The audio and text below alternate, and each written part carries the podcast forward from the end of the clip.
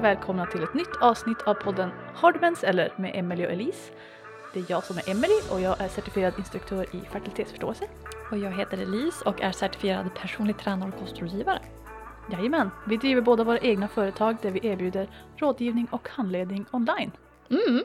Och idag ska vi prata om Instinktivt ätande! Woohoo! Eller intuitivt ätande, du vet, det är ju en sån där engelsk term som man får s- försvenska liksom. Så ja, ett litet så här, typ, jag vill att det här ska vara typ ett juligt avsnitt ändå. Mm. Jag känner att det här är någonting som jag brinner för så mycket. Och jag, eh, ni som följer mig på Instagram kan nog eh, förstå det. För att det är typ- ett ja. jättespännande ämne som känns som att det är lite sådär eh, nytt. Eh, jag tänker att det kanske inte är ett nytt koncept i sig men att man, jag har i alla fall hört mer om det på sista åren jämfört med Mm. förut så det ja, är som lite up and coming tänker jag. Ja, och jag tycker det är nice. Det är bra för att jag tycker ju dieter är bajs. Om vi ska vara helt ärliga. Alltså jag tänker att kan inte du typ definiera diet? Alltså för mig, åh, för det, det finns ju de här bara It's not a diet, it's a lifestyle och man bara sluta. Just stop. Men eh, dieter för mig är någon som, alltså det, det är något, ett ätmönster du följer som någon annan har bestämt reglerna för. Du har externa regler för vad du ska äta. Mm. Medans ehm, En livsstil eller en, liksom ett sätt att äta på? Ja, för du kan ju också definiera en diet som att nej men det är så här jag äter. Men då kan man också, vi- säger om här, det är min någon diet typ är ju ändå det jag äter antar jag. som... Ja, precis. Eh, men det är just ordet diet har blivit förknippat med de här grejerna. Liksom. Ja, så, här, så jag brukar säga, Regelpaketen typ. ja, så här min, min kost eller min, det jag äter består av det, det, det. Mm. Ehm, Jag för mig har det också en tidsbegränsning. ja, Eller jag vet jo, inte om, alltså, om det är så. Om, det, alltså, men för mig är det också en diet är någonting som man gör ett tag för att fixa ett problem citattecken. Mm. Eller någonting och inte något som man har tänkt att man ska göra hela livet. Precis. Det är de som, de som förklär dieter till it's a lifestyle, livsstil. Det är ju de som bara, ah men du, du ska göra det här för alltid. Medan man bara, mm, ja.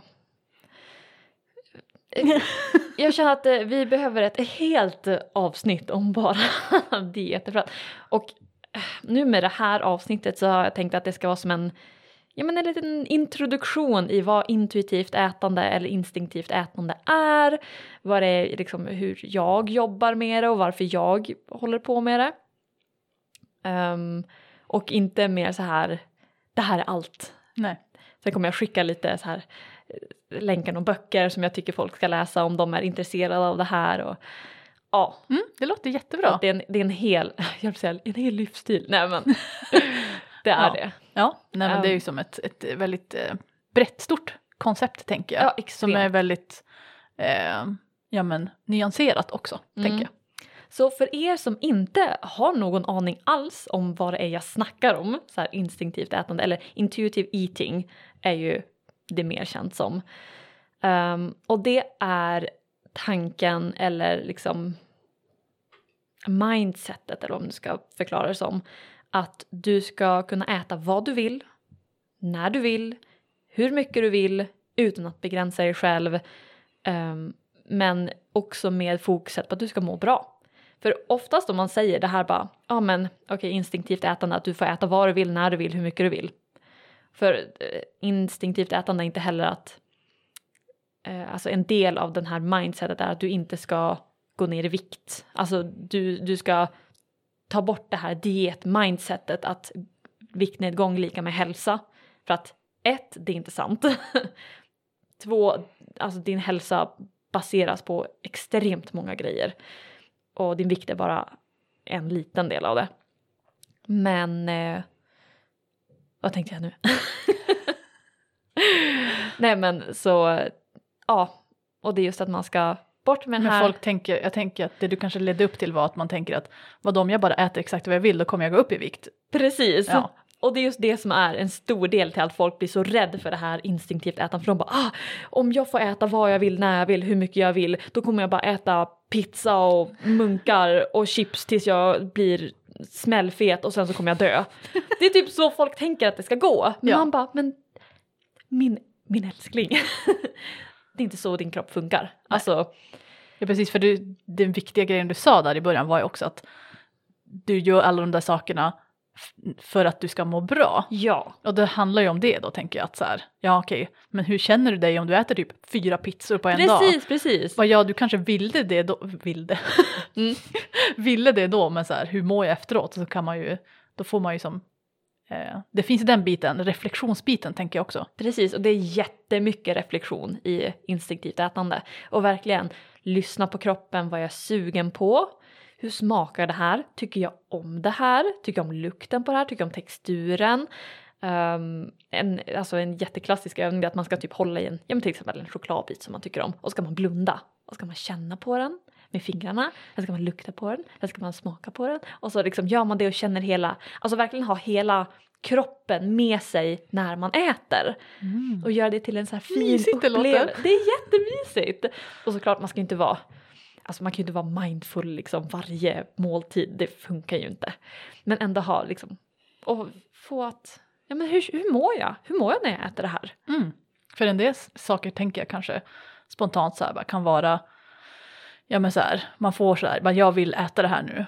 Men Mm. sen så tänker man inte så mycket längre och sen så, eh, ja men kanske man typ äter mer än vad man hade tänkt eller man kanske får ont i magen sen. Eller alltså du vet så här, Mm. då har man ju som, får man ju som utan nå att lägga någon värdering i det bara så här, okej, ja men om jag äter en, ett kilo glass då får jag ont i magen. Mm. Så här, ja, inte precis. så här, jag ska inte äta glass då, utan bara så här, ja men jag kanske kan äta så här mycket glass Mm. eller något. Eller bara, ah, jag kanske äter en måltid innan så att jag inte blir, äter mig mätt på glass för att då kanske jag inte får lika ont i magen. Ja, Alltså, typ. Och sen så en stor, alltså extremt stor del av det här instinktivt ätande är att neutralisera mat. Och ni som följer mig på Instagram kan bara, ni vet att jag snackar om det här hela tiden. Men just att det finns ingen bra eller dålig mat. Grönkål är inte bra. Alltså, nu tänker jag moralisering av mat. Mm. Och pizza är inte dåligt. För det som händer när man använder sånt här språk kring mat, det är att vad du säger om mat eller hur du beskriver den, det flippas tillbaka till dig. Mm. Så om du säger åh, bara, åh, så här guilty pleasure typ, det är Ja. glass. Cheat meals och sånt. Cheat meals, att det, jag äter skitmat mycket. Jag, åh, jag är så dålig för att jag äter det här. Åh, jag skulle inte ha gjort det där. Oj, åh, vad bra du är som äter en sallad. Du vet, Mm. sånt jävla... Oh, jag blir så upprörd. Men sån skit gör så att vi ser, alltså vi ser ner på oss själva. Mm. Så om vi skulle, och det jag flippar tillbaka med det här med dieter, för då kommer de här dieter och säger att du får äta det här men du får inte äta det här. Mm. Och de här maträtterna eller livsmedlen som du inte får äta, de är dåliga. Ja, exakt. Du Då får blir det ju en moralisering i det liksom. Ja, extrem moralisering och då, för vi fungerar som barn. Alltså ni vet barn och så har man typ, man säger bara nej men du får inte leka på den där stolen. De kommer leka på stolen för att om ni har sagt att nej det där får du inte göra, då blir det ännu mer spännande. Det är exakt likadant med mat. Om vi säger okej jag får inte äta kolhydrater exempelvis. En vecka in, jag kan lova er att det enda ni kommer tänka på är kolhydrater och hur ni vill ha bröd och pasta är ju ganska nice och pizza och godis också. Alltså Mm. allt sånt där och då blir det att det sätts på en pedestal. Så istället för bara se för vad det är, vilket är mat, det är energi och det kan vara jäkligt gött. Mm. Alltså mat är ju inte bara liksom kalorier, Nej. det är ju mycket annat men. Ehm, så då blir det någon sorts helig grej och om Fluga, sluta.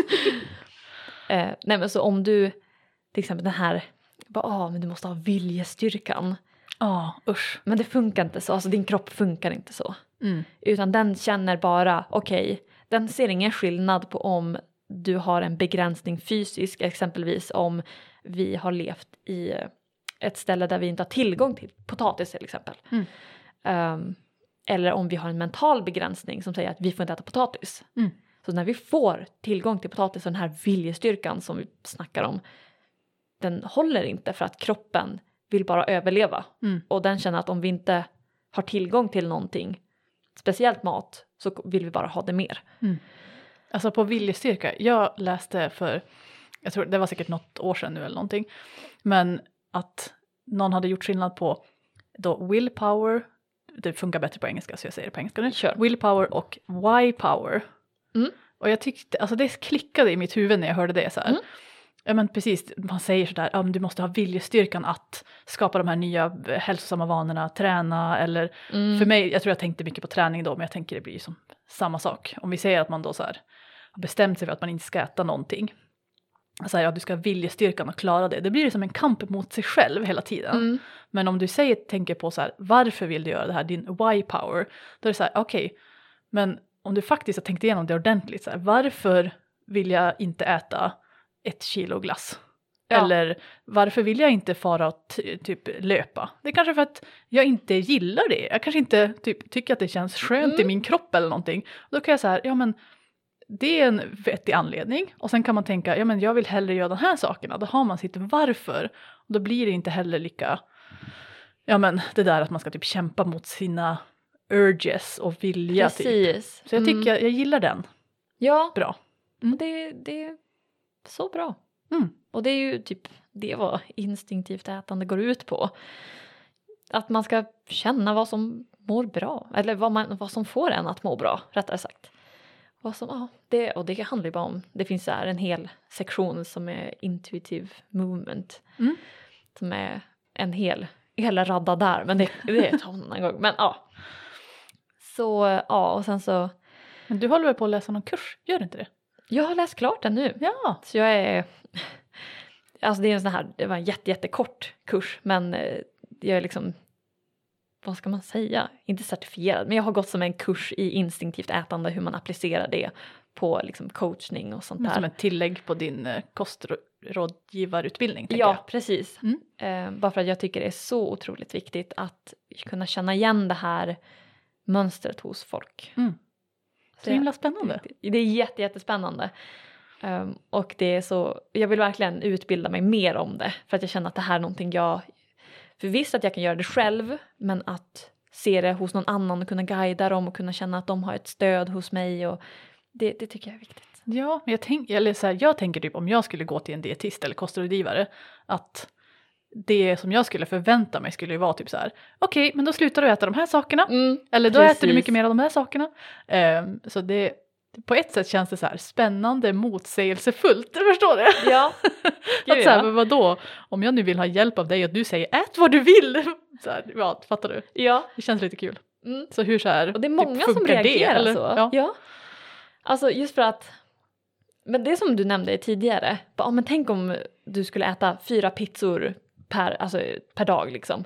Det är en så här asbra börjarövning till folk som bara, men va, hur funkar det? Alltså jag kan inte tillåta mig själv att äta vad jag vill för att då kommer jag, ja men som sagt, gå upp i vikt i oändlighet. Mm. Man bara, ja men ja. Dels, vi måste få bort den här diet-mindseten eller dietkulturen att eh, alltså man har en viktfobi. Att vara fet är lika med att vara dålig eller Mm. ohälsosam eller insert negativt Ja. liksom, grej. För det är inte sant och det, ja, men det är en hel, hel del i det att kunna acceptera sin egen kropp.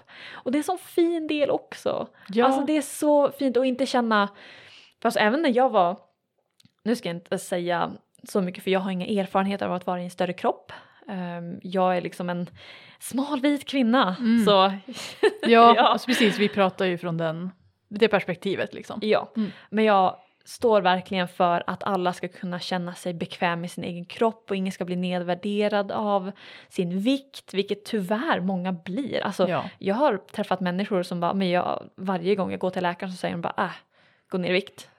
Ja. Att, att det är liksom, de kommer in med ont i armbågen typ och de bara, äh, gå ner i vikt. Man bara, Belastning "Vänta på lite." dina leder, man bara Ja.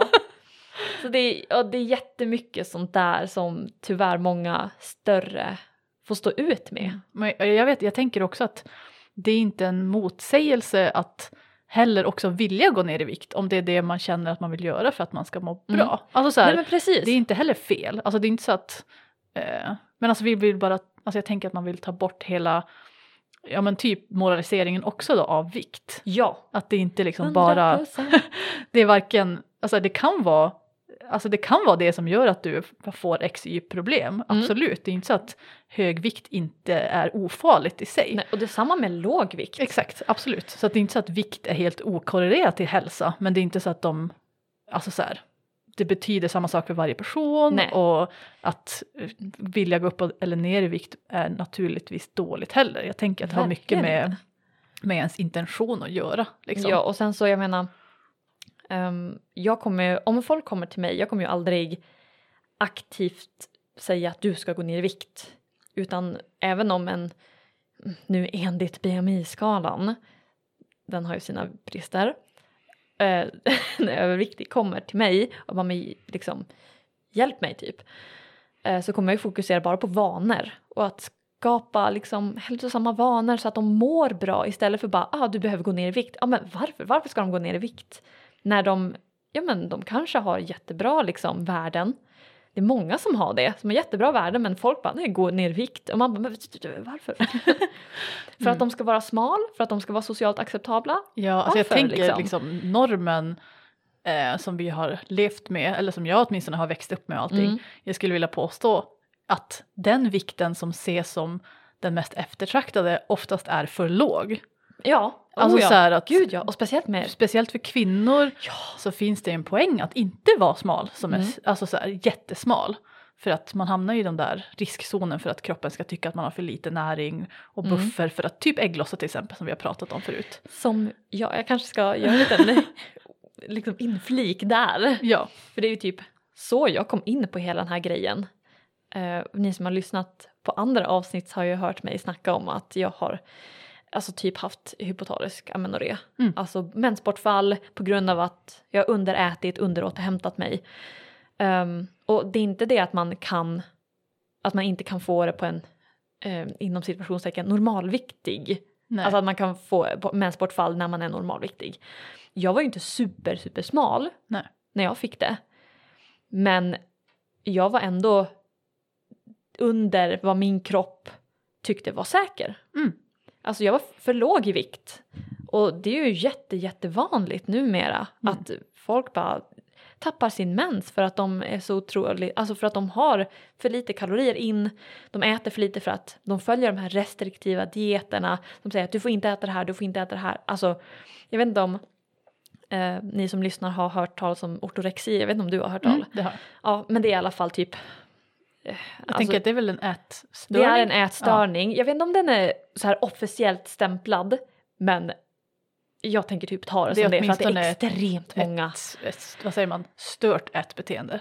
Ja, och jag, alltså jag kallar det som en, oj ursäkta, jag kallar det som en full-blown ätstörning. Mm. För att det är verkligen eh, det ohälsosamma, liksom ett ohälsosamt besatthet av hälsosam mat. Mm. Så du ska äta så här cleant och du ska röra på dig jättemycket. Så det är många som går under radarn och bara men de är så hälsosamma och de är så smala och de är så vältränade. När de egentligen har jätte, alltså de har förlorat sin mens, de har låga eh, järnvärden, de mår jättedåligt psykiskt och liksom de kanske fysiskt. ser superfitta ut Ja, och du vet så här, ja. Mm.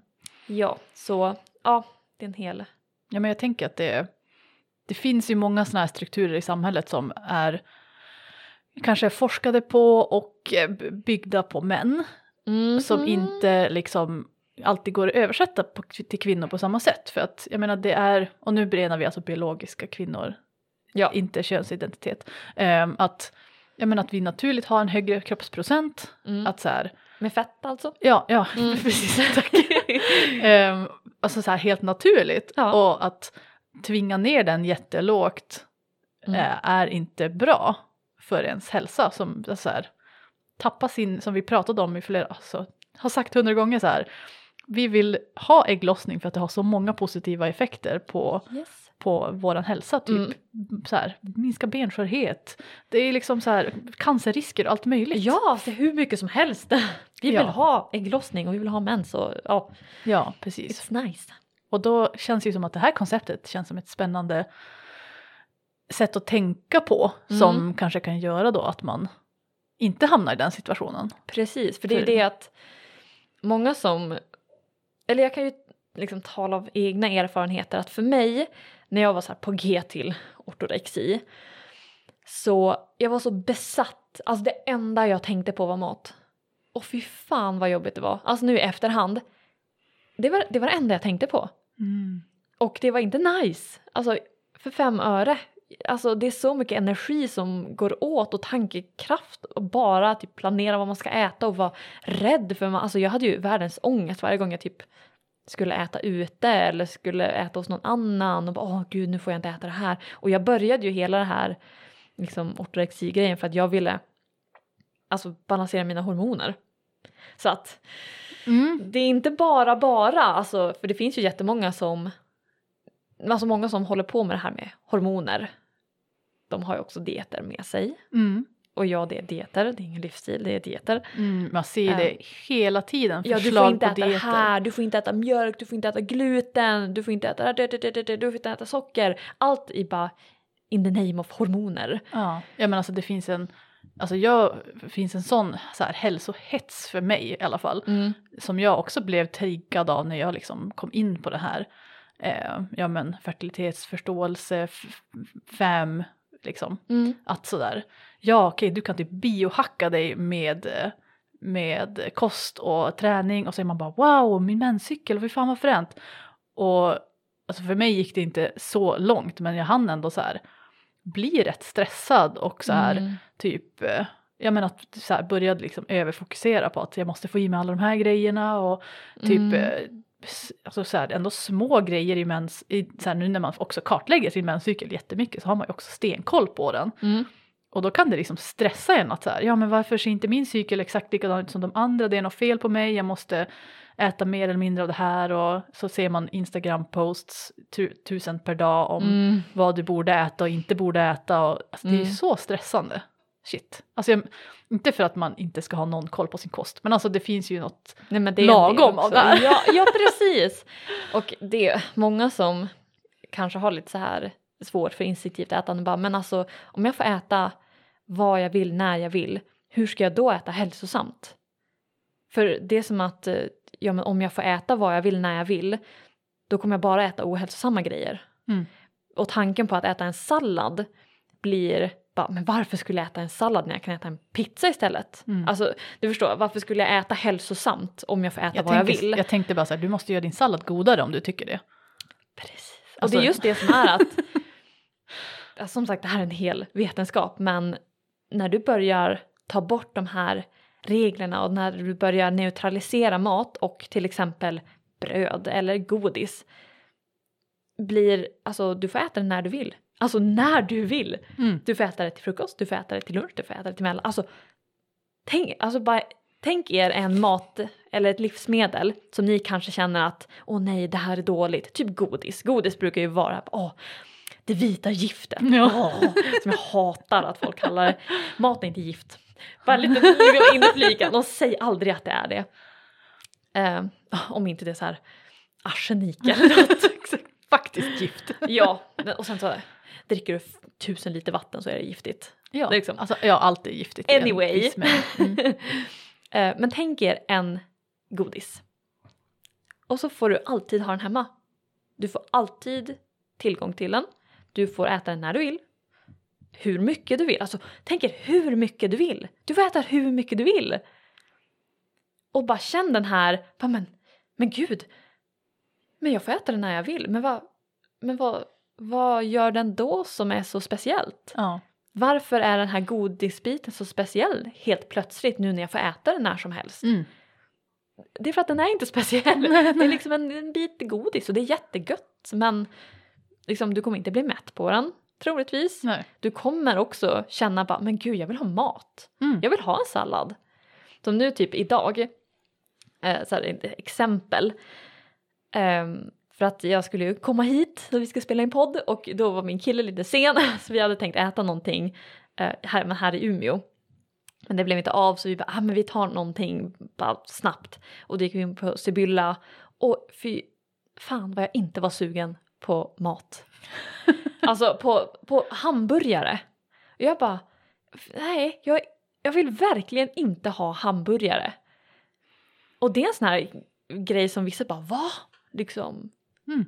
ja, du är inte sugen på hamburgare? Nej, jag skulle hellre ha velat ha typ en sallad eller någonting fräscht eller någonting vet, lättare eller lax eller ja, du vet någonting annat. Men just nu var jag inte sugen på hamburgare och det var så här klassiskt exempel på att du kommer inte bara vilja ha godis eller hamburgare eller något. Utan Nej. du kommer känna att men gud, det här, jag vill inte sugen på det här. Utan Nej. jag kommer vilja ha det här istället. Något så här lite mer hälsosamt. Mm.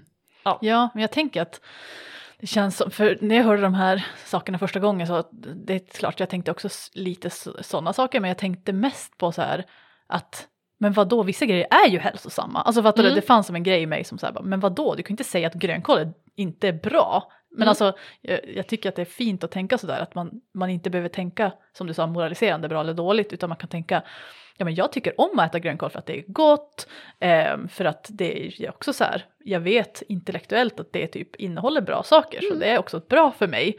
Ehm, men att inte så här tänka nu äter jag en hälsosam middag utan nu äter jag För att jag ska vara hälsosam och för att det här är bra. Jag äter en god middag och det innehåller massa av de här näringsämnena typ, fan vad bra. Mm. Och den är jättegod. Ehm, ja, det blir Mm. som en, det blir som bara som ett annat sätt att tänka på. Precis, och det är också en, en jättestor del. eh, För det finns ju ja, men vissa, vi kan säga trappsteg ungefär, som man går efter för att kunna bygga upp en bra relation med mat och för att kunna neutralisera eh, sin inre matpolis är en av dem. Alltså, de säger eh, typ budord Mm. att ja, men till exempel neutralisera din inre matpolis Mm. Och neutralisera mat och Mm, mm. Eh, och då en av de så här slutstegen det är att kunna inkludera ja, men, eh, gentle nutrition som det heter på engelska. Eller mild näring som jag brukar kalla det, mild nutrition. Just för att bara för att vi neutraliserar mat moraliskt betyder inte att vi helt glömmer bort vad som är i mat. Ja, det finns ju ändå en poäng med att veta, alltså så här, kunna balansera sina måltider med Precis. kolhydrater, proteiner och fetter Mm. och liksom se till så att man får i sig nog mycket järnrika livsmedel eller Mm. vad det nu kan vara. Ja, och jag pratar jättemycket om det på min Instagram att ja men har du mensvärk till exempel, ja men lägg in mer omega-3 eller lä- lägg in mer maträtter eller livsmedel med magnesium och sen så att man kan ha den här kunskapen om livsmedel och bara men grönkål innehåller de här fantastiska grejerna och bröd innehåller de här fantastiska grejerna och godis gör de här fantastiska grejerna. Alltså att det inte är något negativt med dem utan vi bara väljer mat beroende på vad vi vill ha i vår kropp och hur Mm. vi vill stötta den och vad vi känner att vi är sugna på. Jag menar, vissa gånger kan jag vara sugen på choklad Mm. och då gör jag en choklad, eller hur? Chokladsmoothie bara för att ja men då vet jag att jag kanske får i mig mer eh, men vi säger att jag är sugen på choklad Mm. och så ska jag göra en smoothie. Då kan jag välja att lägga in fler saker än bara typ kakaon eller vi säger banan och kakao. Mm. Utan vi lägger i lite pumpafrön för fetter eller lite jordnötssmör för fetter. Eh, lite protein, typ ja, ett proteinpulver lite kollagen. Alltså du på vet riktigt sånt där. silkestofu i Ja, jag ska smoothie. testa det. Mm. Jag har inte hunnit testa men jag ska göra Det det. märks ingenting. Och Mm. det, ja, mm. Och Nej. typ sånt där att känna att men jag vill fortfarande stötta min kropp, jag vill må bra, jag vill ha en, ja men som vårt tänk att jag vill ha en hälsosam menscykel, jag vill Mm. kunna ägglossa. Och att ha kunskapen om det utan att känna att men jag, jag måste ta bort. Mm. Jag säger alltid du ska kunna lägga till. Vad kan du lägga till? Ta Jag tänker det är så himla saker. nice att säga, ja men visst då kan du, ibland kanske du har feeling för att göra det då. Så här, då har du det, det tankesättet, okej men jag lägger till de här sakerna för att jag typ vet att de är bra för mig. Mm. Men det är inte så att du inte bara kan göra en, eh, alltså en smoothie med bara typ kakao och tusen dadlar och massa banan för att det är Mm. jävligt gott typ. Mm. Alltså det är inte Det så att man, man måste typ tänka optimera hälsa varje sekund av dygnet. Liksom. Verkligen inte. Och vissa gånger så bara, men fy fan vad jag är sugen på pannkakor exempelvis. Alltså bara pannkakor, smör, socker. Mm. Och så äter man det, sen går man vidare med sin dag. Ja.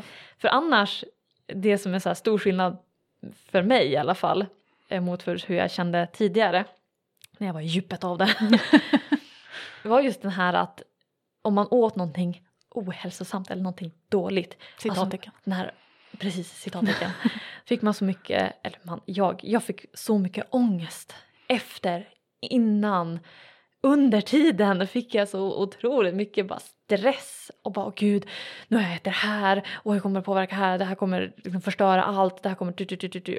Medans nu, man bara åh, jag är sugen på choklad, äter en chokladbit, sen så bara okej, Klart. eller typ kaka, bara åh jag är sugen på kaka, äter en kaka, Mm. ta sig vidare. Alltså så himla nice. Det är så jävla nice! Alltså, Ja. yes!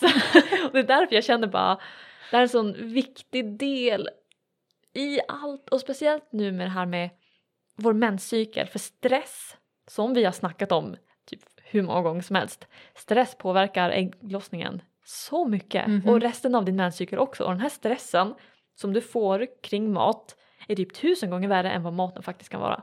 Om du inte typ eh, Ja. celiaki eller något sånt där, då kan det ju vara lite värre men, men det är en helt, Jätteviktig Ja. poäng. Ja, nej alltså jag vet inte, jag måste, jag måste ju nästan få dra. Alltså jag sit, sitter ju här och säger det här nu samtidigt som jag enligt vissa nu sitter och har en väldigt restriktiv diet. mm. Så jag tänker att det kan ju vara spännande Ja, att tänka vill på. Du, vill du dela med dig? För jag skulle vilja påstå att det är det som har gjort mig till att tänka så här positivt kring mat Mm. som jag inte hade förut. Och en så här, för jag har alltid haft någon sån här idé om att jag borde gå ner i vikt och jag får inte äta onyttiga saker och haft sådär mycket typ skam kring att äta för mycket fika och sånt. Mm. Även fast jag alltid varit världens så här äta godis fika person. Mm. Ehm, och alltså på riktigt, det, och det låter ju jättemotsägelsefullt att säga jag har en, har en restriktion på mitt ätande. Mm. Alltså för du är att- vegan och Exakt. dig som inte... Ja, exakt. Och att det var det som gjorde att det blev bättre. Mm. Och för mig var det, alltså det var inte så att jag, jag är e- etisk vegan, så jag gjorde inte det för min hälsa eller någonting. Det är inte så att jag gick på det som en diet. Nej, och det kan vi också snacka om att etik, att välja någonting för etiska skäl, typ vegan, det är en helt annan grej. Det blir det här why och will som ja, du snackar exakt. Och det är inte Ja. så att, för mig är det inte svårt. Alltså förstår du, det är inte så att det ha- handlar någonting om viljestyrka att Mm. inte äta kött eller så. För att jag vet exakt varför jag inte vill göra det. om. Mm. Och det har ingenting med diet eller hälsa att göra. Ehm, så varföret var ju enkelt. Men för mig var det den här insikten att eh, mat som inne, inte innehåller djurprodukter oftast är kalorisnålare. Och då är det en viktig sak att äta nog mycket. Mm. Och då var det så här, helt plötsligt så lyftes det här locket till att jag får äta så mycket jag vill tills jag blir mätt. Mm. Och helst kanske lite till. Ja. Och det var som att så här, alltså jag tyckte det var, det var typ mindblowing att vara Mm. så här, jag är hungrig, jag äter mer. För i, i början var jag så här, ja men jag ville se till så att jag inte åt för lite. Precis. För det kan Mm. ju hända att så Ja. här, om du slutar äta eh, kött till exempel, att byter ut det mot tofu så innehåller det mindre eh, kalorier Ja. per gram. Och då kan det vara, måste du äta mer mat typ. Så jag bara så här, började min resa genom att äta hur jävla mycket som helst. Nice. Så jag, bara, jag får inte gå ner i vikt typ, jag ska, så här, ehm, det här ska vara hållbart liksom. Och, och då insåg jag att okej, det jag behöver inte tänka så mycket på det. Utan jag kan bara äta så mycket jag vill och det, jag behöver aldrig tänka, Och lyssna Oj. på hungern också. ja men så här, jag borde inte äta en till portion typ. Hela den grejen bara försvann. mm. Och det var så himla nice. Och det var som att då, så här, moraliseringen jag hade om maten bara poff, Mm. typ. Eh, så ja, nej jag tycker det är helt fantastiskt. För mig Nice. blev det jättebra. Mm. Ja, sen har jag ju celiaki också så att jag kan ju inte äta gluten. Eh, men för mig det är ju bara, alltså det är en medicinsk diagnos, jag kan inte göra något åt det. Nej precis. Alltså det, finns är ingen, jag, det finns ingen moral i det för mig utan det är bara så här. Ja okej mitt tarmlum det kvaddas och jag mår skit till om jag äter det. Mm. Det är Så, typ som jag och ost eller mjölkprodukter typ. Ja. Om jag äter, alltså, jag är laktosintolerant så då, nej, jag mår så illa. Mm. Ja, så det är ju som, det har ingen moralisering heller. Så. Mm. Men att vara vegan och glutenintolerant är ju ganska restriktivt enligt många då. Ja, Men alltså jo. jag känner mig verkligen 100% inte restrikterad. ja, begränsad. Begränsad. eh, fakt- nej, inte någonstans. Det känns jättefint. Mm. Så jag äter bara massor med god mat. Du, ska, du vet ju hur stora mina portioner är. Ja. Alltså du äter typ två gånger så mycket som jag. Ja, men och det är som kul att eh, ja, men den här fokusen på min vikt dämpades då också. Mm. F- Det var inte så att det hände så mycket när jag slutade äta kött eller något. Men eh, det här var inte min poäng heller. Så att, Mm. men det, det, nu har jag som så landat i det också, så här, att jag äter så mycket jag vill som känns bra för mig och så är jag i den vikten jag är Mm. typ. För kroppen är så, alltså bara en liten segway till det. Eh, nej men det är en sån jäkla cool grej att kroppen är så otroligt smart. Det finns en så här, jag vet inte om jag har nämnt det tidigare, men som heter set point theory. Um, och den teorin handlar egentligen om att vår kropp är som en termostat när det kommer till vikt. Att det finns liksom en, ni vet eh, så här, temperaturen i ett hus, att okej vi har den på typ 24 grader eller något. Och då har den som två stycken gränser att när den går över det då slår den på kyla eller när den går under det så slår den på liksom värme. Och då har vi som en termostat där att när vi går över eller under så här, vi har så här något kilo hit och dit som vi kan fluktuera.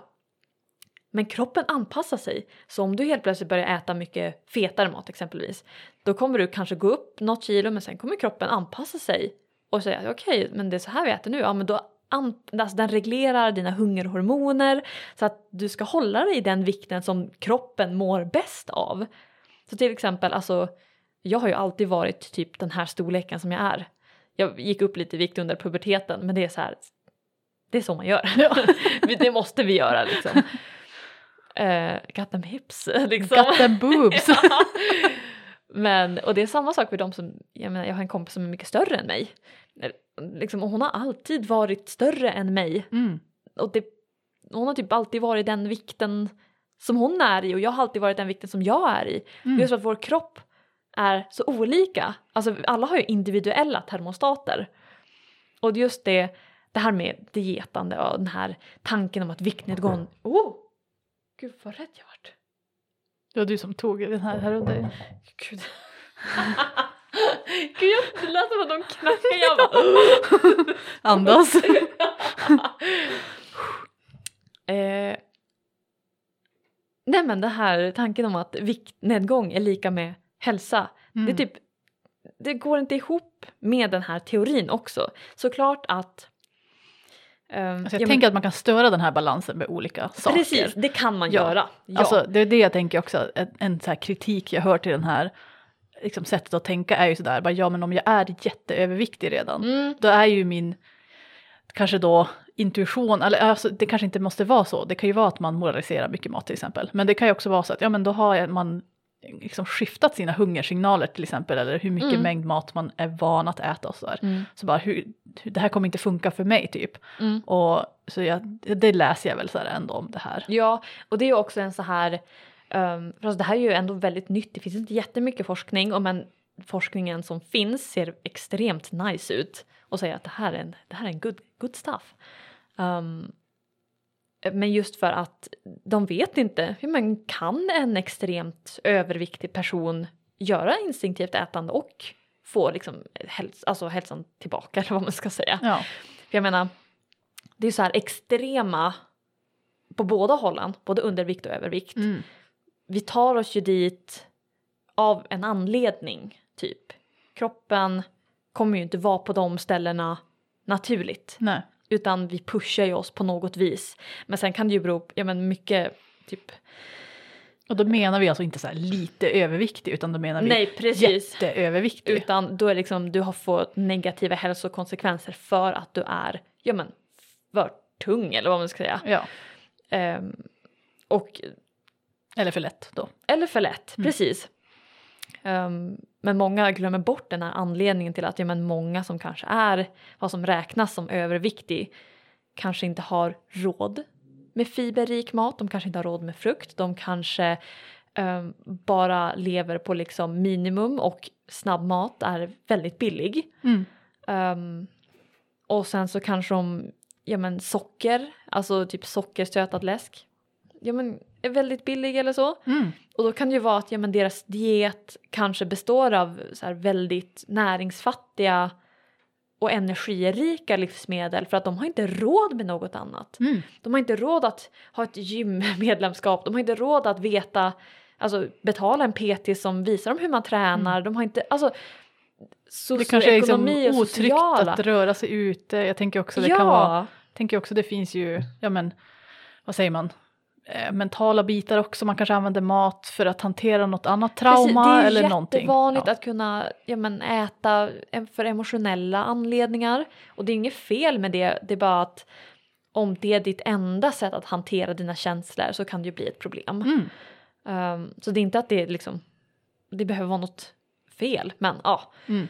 Ehm, Och sen, det, det är ju liksom komplicerat. ja, Och det gud, kanske ja. inte är så att man kan börja, eh, du sa ju, pratade ju om lite olika steg och grejer sådär. Mm. Jag tänker att det finns väl, eh, man kanske inte bara eh, tar en person som vill gå ner i vikt av liksom hälsoanledningar, känner att så här, det skulle jag må bra av, det vill jag. Mm. Eh, och så, så här, säger man bara så här, ja men då kan du bara, ät vad du vill, hej då, så jag bara Nej, men kasta precis. ner dem i typ, så här, nu ska du simma, kasta dem i poolen. Alltså jag Mm. tänker att då får man ju kanske jobba på ett annat sätt än någon som Gud ja. eh, kanske inte vill ändra sin vikt men har ett beteende eller så ett ätmönster de vill bryta typ. Mm, Så, precis. ja. Ja. Nej men det är tyvärr många som glömmer bort att det som du kan inte ha, alltså viljestyrka har så jävla lite med saken att göra. Och folk tror att ah, bara du vill tillräckligt mycket. Men det känns ju som den här myten om att överviktiga personer bara är lata typ. Precis, och Alltså, det är är så s- inte sant. Nej alltså gud, alltså jag blir bara så här. Ja, eller hur? Typ som att det finns en sån här, ja men typ att folk inte vågar gå på gymmet typ för att du vet de, De är rädda att bli utstirrade ja för, för det samhället. kan de säkert bli så att, alltså fy. Ja. Nej, det, det är väldigt mycket med sånt där. Är flugan? eh, nej men så. Och det är liksom. Sen så är det, som sagt det är extrema håll för vissa. är ju. Alltså det finns en sån här rörelse som heter eh, body positivity. Jag ska inte gå in på hur mycket som helst med det för det är en hel vetenskap. Eh, men så här, vissa extrema ur den rörelsen kan ju bara helt vara emot viktnedgång. Mm. För det är oftast ja, men, större personer eh, som står för det och det är liksom det jätte, jättefint för det handlar mycket om att acceptera alla storlekar och alla är vackra Inte oavsett. diskriminera Precis, och, sånt, det, ja. det är jätte, jättefint men som sagt då är det vissa extrema bara nej men om du börjar Alltså om till exempel du går till läkare och bara okej men du måste gå ner i vikt för annars kommer du dö. Mm. För att det finns de också. Ja. Men då blir de bara nej det får du inte göra då är inte du body positive. det blir liksom en glamorisering av alltså, alltså verkligt superöverviktiga personer också. Ja precis. Att säga att det inte finns några negativa effekter eller korrelationer med vikt, Mm. det är ju inte sant heller. Men alltså, ja precis. Jag tycker dock att oftast när man pratar om det så pratar man om typ, ja men att om jag skulle väga typ 10 kilo mer Mm. eller 20 kilo mer. Ja. Alltså jag hamnar ju inte i en jätteohälsosam situation bara för det. Nej. Alltså så här, ja det, det är inte det equilibrium som min kropp är i just nu. Men det är skillnad på att väga liksom typ 70 eller 80 kilo eller typ 300 kilo. Precis. Ja. Så ja, men det är som folk tar det så, till sådana extremer. Ja. Vilket är synd. För att det, jag kände bara om alla bara kunde älska varandra. Vi är så här landet lagom Sverige, vi bara kom igen. Verkligen. ja, nej men så och sen så om men kanske tillbaka med det här med hormoner och Ja, folk som tycker att du bör inte äta så här, du bör inte si, äta si och så. Alltså de vet ju inte vad som funkar för din kropp. nej, det, Det är alltså, är ju som- så individuellt med så mycket av det där. Ja. Samma sak som jag, om någon kommer till mig, alltså. Jag vet ju generellt. Sen så kommer ju jag, ja men typ som jag gör med mina kunder, att jag lägger in att, ja men lägg till det här, lägg till mer av det här, men sen så mängden och hur de mår av det, det liksom måste vi ju anpassa eftersom och de måste känna efter och känna att ja men det här gör någonting eller det här gör inte någonting och så tar man det liksom därifrån. Mm. Men de som kommer och säger att åh, sluta ät socker och sluta ät gluten. Alltså Alltså för det första så Det känns det, som inte att- hållbart rent allmänt. Alltså så här, Nej. det blir jätterestriktivt. extremt. Alltså jag kan, eh, I'm a pro. Ja. Det är jätterestriktivt att undvika gluten till exempel. Mm, Och att göra det för en liksom, dietanledning känns jätteknepigt. mm. Och just också, alltså visst om man känner, och jag vet att det är många som känner skillnad. Mm. Att, Inte för att säga att, att precis minska på de sakerna Nej, kanske nej. är fördelaktigt. Precis, och om man vill testa you go. Mm. Men det, så, det var så jag kom in i ortorexi. Mm. Att jag testade typ massa olika grejer som skulle vara bra för mina hormoner. Typ undvika gluten, typ undvika mjölk, typ ah, inte äta socker, blä blä blä och allt sånt där. Och vad gjorde det? Dilly squat Mm. gjorde det. det gjorde inget, inget nyttigt. Det gjorde bara så att jag fick ännu sämre relation med mat. Det hände ingenting för mig. Alltså jag känner ingen skillnad om jag äter gluten eller inte. Nej. Det, jag kan känna skillnad och det har jag liksom testat eftersom att jag, jag mår inte lika bra om jag äter mycket mjölkprodukter Mm. jämfört med om jag äter mindre mjölkprodukter. Men jag tänker det finns ju den där balansen. Jag kände också att jag var lite mer åt, på det liksom ohälsosamma hållet av den där, jag ska testa saker typ Mm. för att se eh, om det här hjälper någonting liksom, fysiskt eller så. Ja, Och det jag tänker att det är absolut att man kan göra det. ja det men, är man kan, fel att testa sånt. men man kan göra det på ett sätt som blir negativt också. Ja, Så att man får, jag, tyck, jag brukar, jag ser det också bland mina klienter att de så här, ja men känner sig stressade över att deras cykler inte är vad vissa påstår är liksom den optimala hälsosamma cykeln Ja. typ. Men jag brukar vara så här, ja men har du några problem? Alltså så här, Mm. förutom att du ser det här typ sekretmönstret säger vi eller någonting. Bara, men upplever du några andra problem som kanske beror på någon hormonell imbalans typ? Mm. Eh, och i många fall så är det inte så. Mm. Och då är jag så här, ja men då kan du så här, du har regelbunden cykel, du har ägglossning så här, andas, precis. så här, ta det lite, lite piano. Inte för att det är fel att testa grejer, men bara man, man måste kan inte göra heller. det med två olika mindset liksom. Man Mm. kan göra det att du får inte äta det här för att det är dåligt för dig. Mm. Medan du kan också bara, ja men jag testar att lägga till glutenfritt istället för gluten Mm. och se om jag mår bättre. Ja. Eller om en specifik grej, så många kanske typ för mensvärk exempelvis Mm. pratar ju många om att det är typ, eller mjölk. Ja men jag testar att ta mjölkfria produkter i en månad. Eller en vecka, eller ja, och så ser jag om det är någon skillnad. Är det ingen skillnad? Ja men då gör det inget. Mm. Mjölk är inte dåligt, gluten är inte dåligt. Nej. Alltså till exempel som ett exempel. ehm, ja, men, ja, ja, jag märkte ingen skillnad när jag slutade äta mjölk. Jag märkte ingen skillnad när jag slutade äta gluten heller. Mm. Ehm, men en sak som jag har testat ganska mycket fram och tillbaka bara så här för att det känns spännande är att dricka mer eller så här, inte dricka kaffe eller dricka kaffe. Ja. Och alltså jag märker ingenting. Nej. Alltså det spelar ingen roll. Jag kan, jag kan inte se någon skillnad även om jag slutar i flera månader att dricka kaffe. Mm. Det händer ingenting. Och det är så här, ja, men, och, men det finns ju massor med folk som upplever positiva effekter av att sluta dricka kaffe. Ja, precis. så, men så här, ja, men det där, det handlar väl att, om att inte säga att kaffe är dåligt. Utan bara så här, Precis. vara medveten om att vissa upplever det här med kaffe. Mm. Och det så, kan påverka på det här viset. Ja, men utan att du vet bara typ ut, döma ut det som pesten. Typ. De demoniserar så jävla mycket. Ja, Men det finns ju, alltså så här du vet, Och det här är poison typ. Och så, så här, kaffe, gluten, man bara sluta. Och så är det alltid i röd text. Man bara stop. Ja. Ja, nej men så det är... Ah, det är en hel radda. Men det jag tänkte också nu eftersom vi är i juletider och då blir det oftast ja, men den här julmaten. Oj så mycket skam det finns för att man Åh, äter för mycket. Fan, alltså. Oh, gå upp i, så här, hur många kilon går du upp i vikttävlingar på arbetsplatser typ? Ja. Och sen den här skiten efter... Oj. Den här skiten efter nyår att alla bara åh, new year new me. Ja. Ska alla typ asträna för de ska träna bort de här kilorna de har gått upp efter liksom julen. Mm.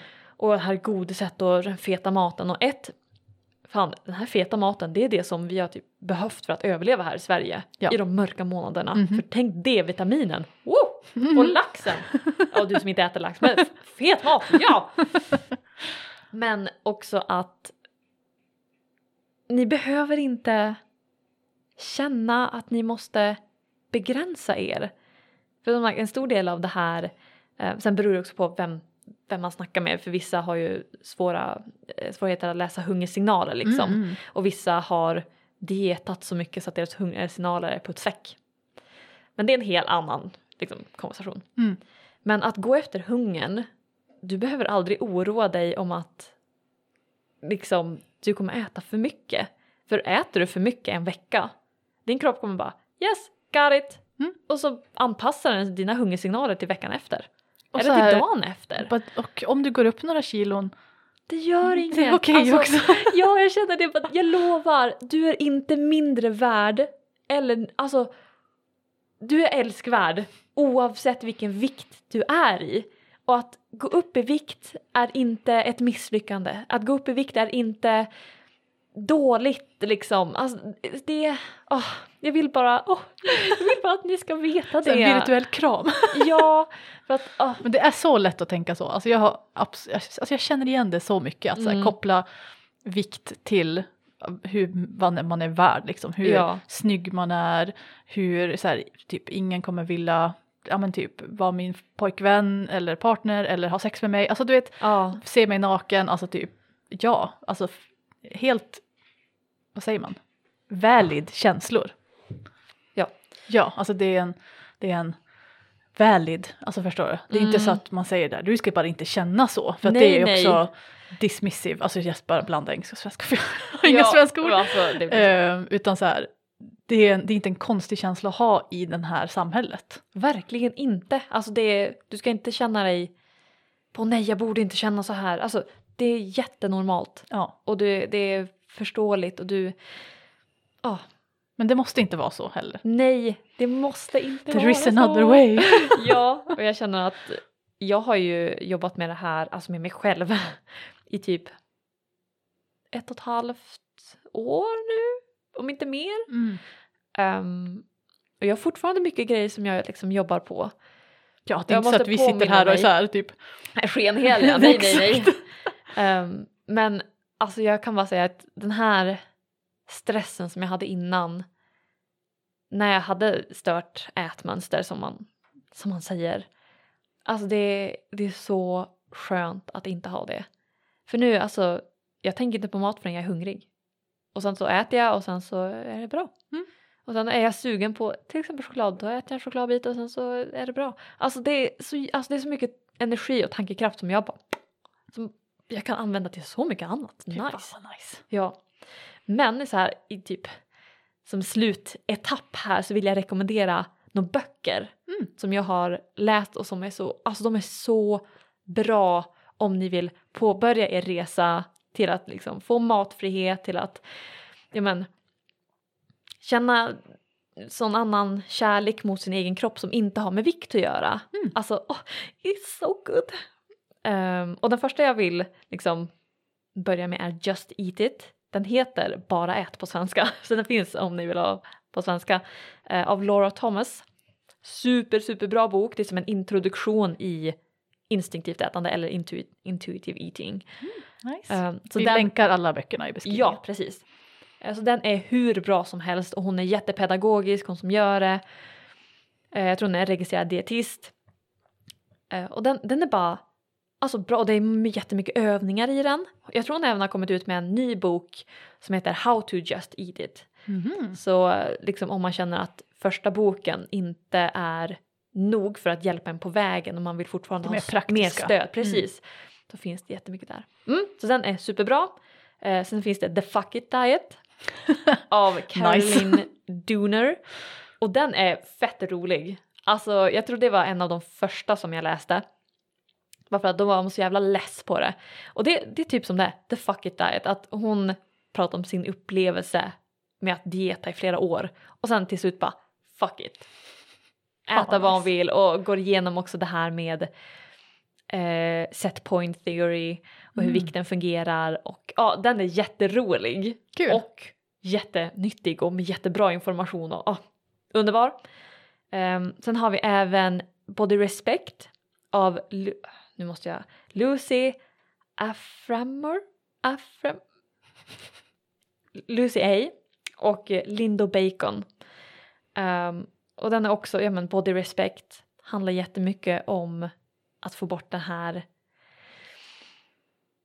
det här liksom mindsetet med att viktuppgång är dåligt eller att fetma är dåligt så. Eller att fett är dåligt. Uh, så jättemycket sånt. Och sen så har vi även Body Kindness av Rebecca Sk- Scritchfield? Scritch, Scritchfield. Ja, Nice. och den handlar också jättemycket om att hitta en sorts kärlek för vad kroppen faktiskt kan göra och istället för att bara fokusera på det du ser i spegeln eller det som står på liksom, i numret på vågen. By the way, släng ut vågen. den behöver ni inte. It's so bad. Nej men. Ehm, så den är också jätte, jättebra och vi kommer länka alla Mm. som sagt. Superbra. Så Alltid kul med böcker. Ja, och jag vill bara att... Och sen finns det eh, både, både Kindness, The Fuck It Diet eh, och Just Eat It finns på Storytel. Mm, Så man kan lyssna på dem. nice. Det gjorde jag och det var så nice. Man går omkring och typ gör annat och så bara wow, mm, Mm. ja, mm. Ljudböcker, yes. Ja. Ja men vad kul. Ja. Ja. men jättekul att eh, du ville lära oss mer om det här. ja, och jag känner att jag har bara typ tafsat lite, tafsat, men touchat på ytan nu. Så eh, det finns så mycket mer. Jag vet inte riktigt hur jag skulle he upp det här, men det känns ändå som bra, bra början Mm. till det här. Jättebra. Jag tänker att ni får fortsätta diskussionen med oss om det här på Ja. Instagram. Vi har ju en podd-insta som heter har du mens understreck eller. Mm. Och så skriv där om ni med er upplevelse om det här. Hur känner ni? Var ser ni er liksom, resa kanske Mm. med eran så här, ja men bild på er själv och, Och på er kost och- mat liksom. Ja, precis. Matrelationen är Mm. viktig. Det vore jättespännande att höra. Verkligen. Så och, det, DMa oss om ni inte vill skriva det liksom offentligt. Ja, och om ni känner att bara holy shit, jag känner som, ja men till exempel som jag, att jag är helt besatt av mat. Ja, men skriv, skriv till mig. Mm. Jag vet hur det känns. Och det- sen, jag tänker också så Vi här, finns här som stöd liksom. och känner ni att ja, men det här med böcker, det är inte min grej eller jag vet inte var jag ska börja så Det finns podcasts också. Ja. Jag, ska, jag kan vi länka. länkar massa fler. Ja, precis. ni får länka allt du vill. Mm. Men så tänker jag också att ni kan ju också faktiskt boka tid med dig Yes. om man vill ha alltså, lite mer stöd, personligt stöd liksom. Mm. Så finns det ju en, finns det, finns det ju det också. Ja. Mm. Och det gör ni på eh, hälsonöjd.com fast utan alla prickar. Exakt. Eller ni kan skriva på min Instagram också. Mycket bra. Det är bra. Ja, det låter strålande. Nej, och så här, vill ni kartlägga, kartlägga er psyke så kan ni höra av er till mig om Mm. ni kan vi se om den här metoden kan vara något för er, den som jag lär ut. Ehm, inga kostråd från mig dock direkt. Men ehm, jag menar, man måste inte använda kartläggning för att kartlägga sin hälsa heller. Man kan Nej. bara göra det som preventivmedel om man Mm. tycker att det är skojsigt eller för att bli gravid. Ehm, så det kan man göra hos mig, psykeklok.com. Mm. Mm. Mycket bra. Yes. Hoppas ni får en eh, fortsatt bra liksom, helg, nej vecka blir det. Dag, kväll, morgon. Precis, vars ni nu än är och lyssnar på oss. Mm. Med mycket god mat och bara njut. Yes. Mycket bra. Ja men med det får vi tacka för att ni har lyssnat. Ha det så bra. Puss och kram! Hej!